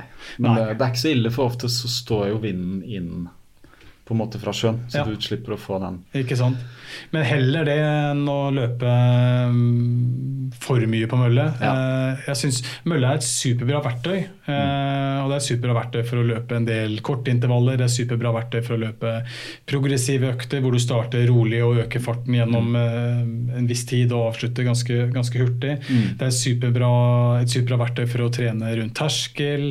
Eh, som jeg vet Jon snakket, snakket mye om da han var her. Eh, For det er mye lettere å kontrollere fart i henhold til puls osv. Så, videre. så det er et fantastisk verktøy, men jeg er også veldig, jeg er veldig tilhenger av at man skal, skal man løpe et løp ute på asfalt, så må man også trene i hvert fall den siste spesifikke perioden så mye som mulig på asfalt. Du må trene på det terrenget du skal bli god i å løpe på, om det er asfalt eller terreng eller fjell eller skog eller hva som helst. Men spesifisitet er jo altså treningslærernes ABC. Det er Ja. på en måte grunnleggende. Det er det. Ja, det var bare jeg så dere så på telefonen. Det er bare min kone som sier brød, men jeg har kjøpt brød. Du har kjøpt brød? Ja, det er godt. Ikke ikke noe løst. stress. det er sånn. Ja. Uh, liten digresjon. Uh, do you also use the treadmill as a Um, training tool? or- Yeah, uh, Yeah. again, mainly during the winter. So I'm not a huge fan of the gym. I have a membership, but it's kind of goes unused for six months of the year. That that's the bad thing, signing a membership. And I, and I, I actually did, that's why I tried the treadmill the first time this year because I signed up with the Evo over here, Ja. just as a two-week uh, free thing. Yeah. Uh, just to test the treadmill, but then of course you forget, so they charge you a month, and you know. Yeah. but I think I've run it three or four times, Mm. and it took three times to kind of figure out that speed thing. Mm. Uh, and then I read Runner's World now, where Jan Post Mm. was actually writing about treadmill and that was pretty nice for me to read because he said like they're all different so Mm. Yeah. start a little bit slower Mm. than you think Mm. exactly what i did wrong i put it at four minute pace and it was too fast and it, and it really varies. I found, Yeah. you know, because I, I go to the gym um, at Lysaker where I Mm. work, but also at Fornebu where we live, and I've noticed a massive difference between the treadmills at, at the different gyms. So um, Mm. yeah, Yeah. so it, it, so you should never really trust You can't really trust No, it 100. no, percent no. No, that's that's. Man blir, så, man blir så fryktelig fort overfokusert på det med fart, for det er det man løper etter ute. Og så, så glemmer man at møllene er forskjellige, så har man kanskje mye større utbytte av å, å lære seg å løpe mer på intensitet. Mm. Eh, også fordi det er mer relevant i, i løpssammenheng å kjenne på kroppen hva som funker den dagen. fordi hvordan du kjenner deg fra dag til dag kan jo variere òg. En dag så er du, eh, kan du løpe i fire blanktempo, som du snakket om tidligere. Eh, mens neste dag så er du kanskje litt sliten, du har sovet litt dårlig, kanskje mangler du Du har ikke spist nok. Og da er fire-ti så er det like, like tøft. Men det betyr ikke at den økten har noe mindre verdi fordi om det går i fire-ti. fordi intensitetsmessig ligger du på, på, på samme intensitet. Eh, så, så det å lære oss å kanskje ikke alltid binde seg til klokke og ikke alltid binde seg til fart, men å løpe mer på intensitet, tror jeg er mye mye bedre. Men det er også fordømmet vanskelig. Eh, Ja, det, akkurat det der tar tid, men det er, det er liksom godt å høre, for at jeg opplever også veldig stor variasjon Ja. i, i dagsform. Ikke som sant? har veldig mye å si hvor stor arbeidsmengde jeg har hatt, Ja. hvordan jeg har sovet, hvordan har jeg spist Ikke sant? akkurat i liksom de timene før, Ja. eller et eller annet sånt. Det er en totalpakke. og jeg, Det er noe av det jeg stresser mest når jeg snakker om løping med, med andre. og snakker om løping. Jeg holder et foredrag også om, om det med, med trening generelt og om løping spesielt. og da, da er det Et av de punktene jeg fokuserer på, er, er nettopp det med, med hvile eller restitusjon. da. Eh, for det er en av de tingene vi er aller dårligst på som løpere. Vi er ofte veldig flinke til å følge en plan. Eh, Vi har en plan, enten vi, vi finner en plan eller lager oss en plan eller har en trener som, som skriver en plan. Så er vi ganske flinke til å følge den ganske så nøyaktig. og Vi vil nesten ikke endre på den selv om dagsformen sier noe annet. Men så er vi ofte for dårlige på søvn, vi sover for lite. Vi er for dårlige på kosthold, vi spiser kanskje ikke riktig, vi spiser ikke ofte nok eller tima nok i forhold til treninga. Og så glemmer vi disse her hviledagene, eller vi løper ikke de rolige øktene rolig nok. Og det er Hele pakka der er restitusjon. Restitusjon er ikke bare en hviledag, men det er søvn, det er kosthold, det er hele pakka. Eh, og det er litt av det jeg snakket om i staten. Når man syr sammen en plan, så må den tilpasses ikke bare deg som, som løper og alder og fart osv., men tilpasses hele livssituasjonen din. Har du barn? Jobber du natt? altså Alle disse tingene påvirker også eh, løpetreningen din. Mm. Det tar litt tid å finne ut av selv. Veldig. Det gjør det. Så du snakker om du er sånn seks år som løper, jeg er liksom inne i mitt femte år. Mm. Føler nå at jeg begynner å skjønne liksom Begynner ting å klikke litt. Ja, litt mer i hvert fall. Det, det er en sånn sakte, men sikkert helhetsoversikt du får, da. Ja. Som er alle disse tingene du nevnte nå. Ikke sant? Og særlig for min del med små barn og sånn, så har liksom det vært utfordringen. Mm. Og noen ganger så merker jeg at jeg er litt for sånn rigid på det står noe hver en økt, så Mm. da må jeg gjennomføre den. Nettopp. Hvis ikke så går jo hele programmet skeis, liksom. Ja. Men så skjønner du etter hvert at det er ikke så viktig.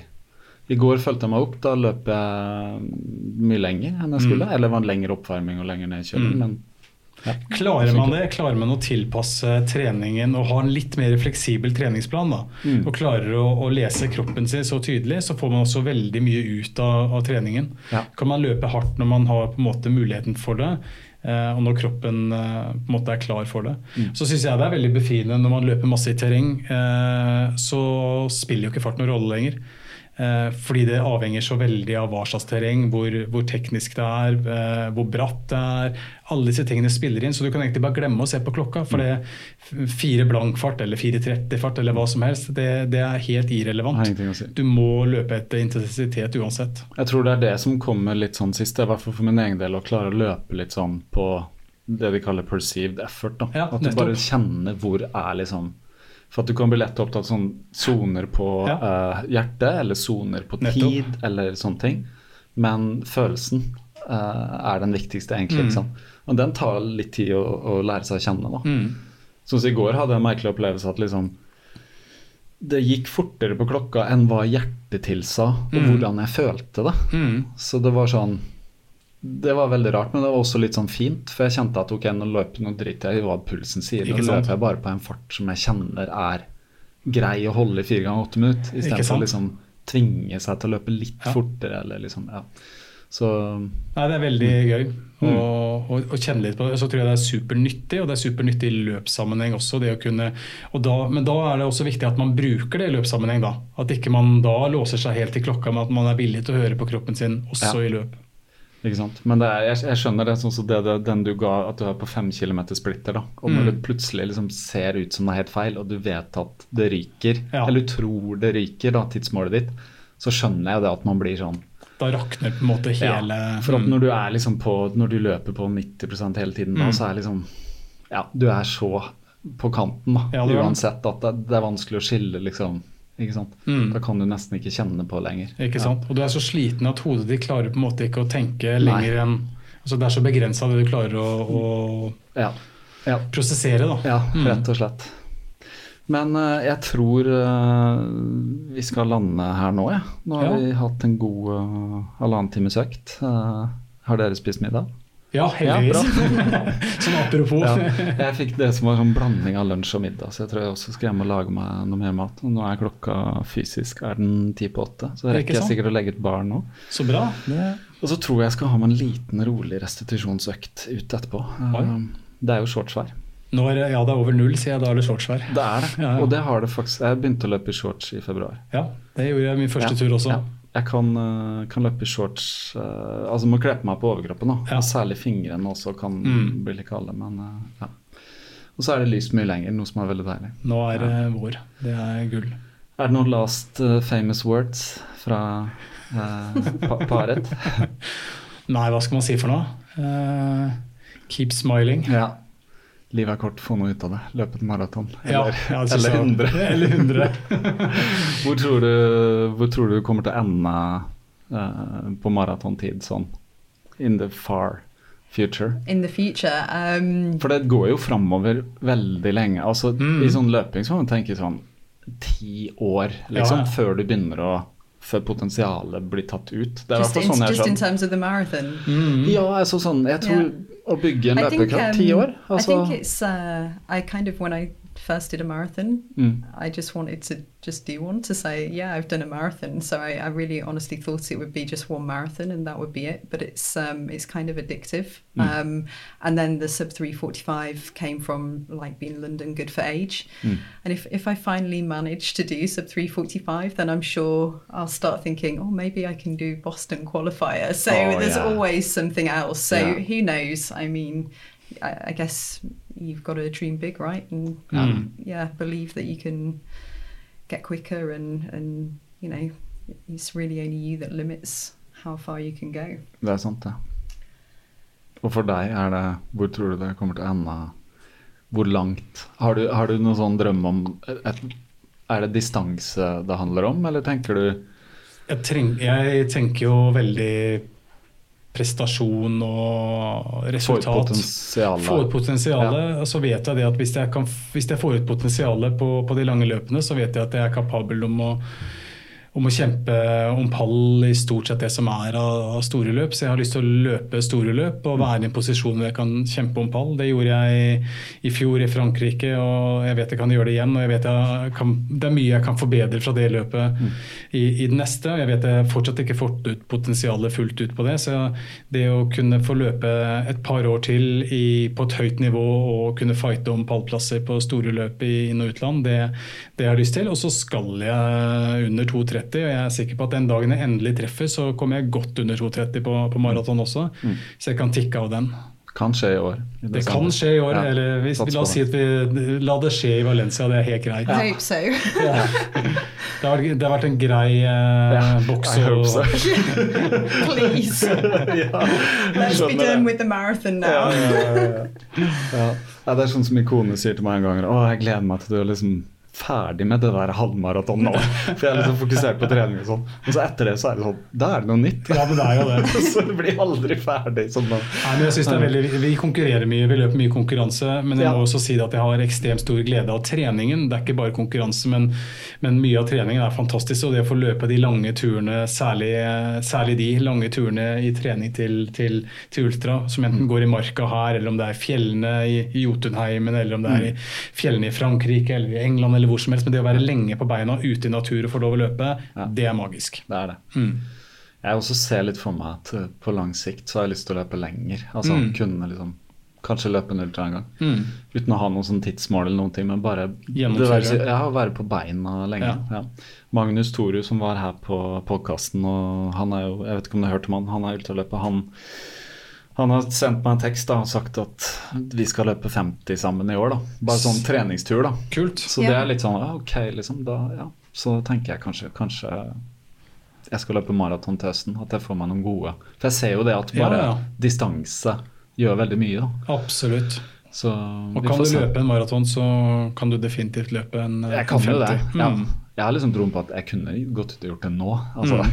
Ja, men det kunne du. på, hadde man måttet, liksom. Mm. Uh, men uh, ja, nei, så vi får se. Det, det kule er med løpinga, det er veldig sånn Det er så organisk, altså. Mm. det er hele tiden Det utvikler seg, og det tar retninger som du ikke visste var der, og det liksom tar deg nye steder òg. Mm. Både fysisk og psykisk. Ja, men og det gjør det. Alle jeg har snakka med som har vært her, og som jeg med, er veldig sånn Det er en vei. Altså man er på en eller annen vei, da. Ja, ja. Og det er liksom ikke, man ser ikke nødvendigvis noe, noe, noe sluttmål. Nei, man gjør ikke det. Og det er egentlig ganske deilig. Ja, ja, det er det. Og i forhold til at man blir eldre også, aksepterer kanskje at det Mm. går saktere, men liksom, hva kan man få til på det aldersnivået man er? Mm. Og, ja, ikke sant? Så det er håp. Kan vi være enige om det? Jeg det var fin slutt. Det er håp. Ja. Nei, men kult, Runar og Laura. Takk for at dere kom. Tusen takk for at vi fikk komme. vi ses eh, på Parkrun Det gjør Yeah, vi. don't forget your barcode. Always remember it. Kult å høre på de uh, fortelle. Um, lykke til med giftermålet, forresten. Uh, atter en gang. Det, det er moro å være gift, det kan jeg si. Uh, jeg har også vært gift siden i sommer. Eh, til alle dere som ikke er gift, det er morsomt å ikke være gift også. Altså. Det er ikke noe sånn at uh, det nødvendigvis blir morsommere, men jeg tenker at har du først uh, funnet deg en bra uh, mann, skråstrekt skråstrek dame, så, så er det like greit gift seg. Det føles godt. Ok, nok om det. Um, jeg vil bare si til alle som sender meldinger og sånn, takk for det. Takk for tilbakemeldinger. Det er morsomt at folk engasjerer seg. Jeg har fått eh, noen e-poster eh, denne uka også. Um, det er jeg glad for. Jeg har ikke fått svart på alle, så beklager det, men jeg skal sette meg ned og få svart. Eh, det kommer litt sånn tips og sånn, og det setter jeg pris på. Jeg noterer alt. Um, jeg har planlagt litt eh, utover, men eh, vi får se litt hvor det bærer.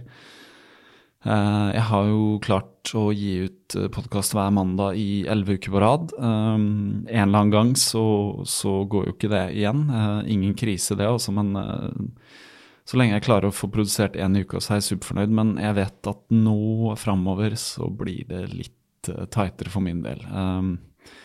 Fått noen nye utfordringer når det kommer til jobb, eh, nye prosjekter og sånn, så da, da blir det litt mer tid eh, som går med. Eh, men jeg skal gjøre mitt beste. Ja.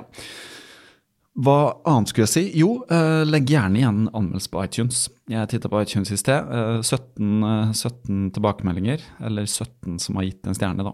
Takk til alle, som, alle 14 som ga fem stjerner, og dere tre som ga fire stjerner. Det er også veldig bra. Hvis referansen er liksom verdens beste podkast, og jeg er eh, fire av fem i forhold til verdens beste podkaster, så er det også veldig bra. Eh, Det er ikke så viktig med stjerner, og sånn, men det er veldig kult at folk gir tilbakemelding. Og hvis det er noe dere ikke liker, så kan dere også skrive rett til meg, Også. Det er også lov, faktisk. Um, eh, Fordi alt er lov. Eh, hva mer er det å si da? Ikke så veldig mye. Eh, Sondre Lerche har laget intromusikken, og, og den musikken som kommer eh, etter introen og før intervjuet og sånn. Veldig kult uh, at han gjorde det, for det er blitt litt sånn kjenningsmelodien på hele denne podkasten. så her kommer eh, Sondre sin klimping. Ha en eh, fantastisk eh, uke.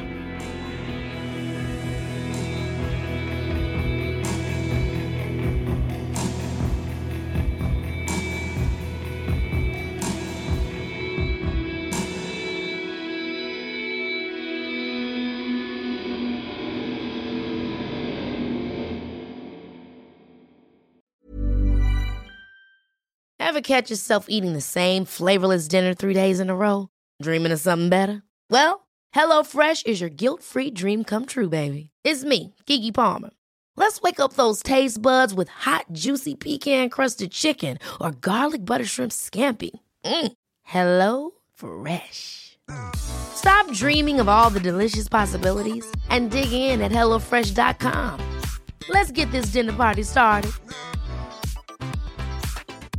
Mom deserves the best, and there's no better place to shop for Mother's Day than Whole Foods Market. They're your destination for unbeatable savings, from premium gifts to show-stopping flowers and irresistible desserts. Start by saving 33% with Prime on all body care and candles. Then get a 15-stem bunch of tulips for just $9.99 each with Prime. Round out Mom's menu with festive rosé, irresistible berry chantilly cake, and more special treats. Come celebrate Mother's Day at Whole Foods Market. Planning for your next trip?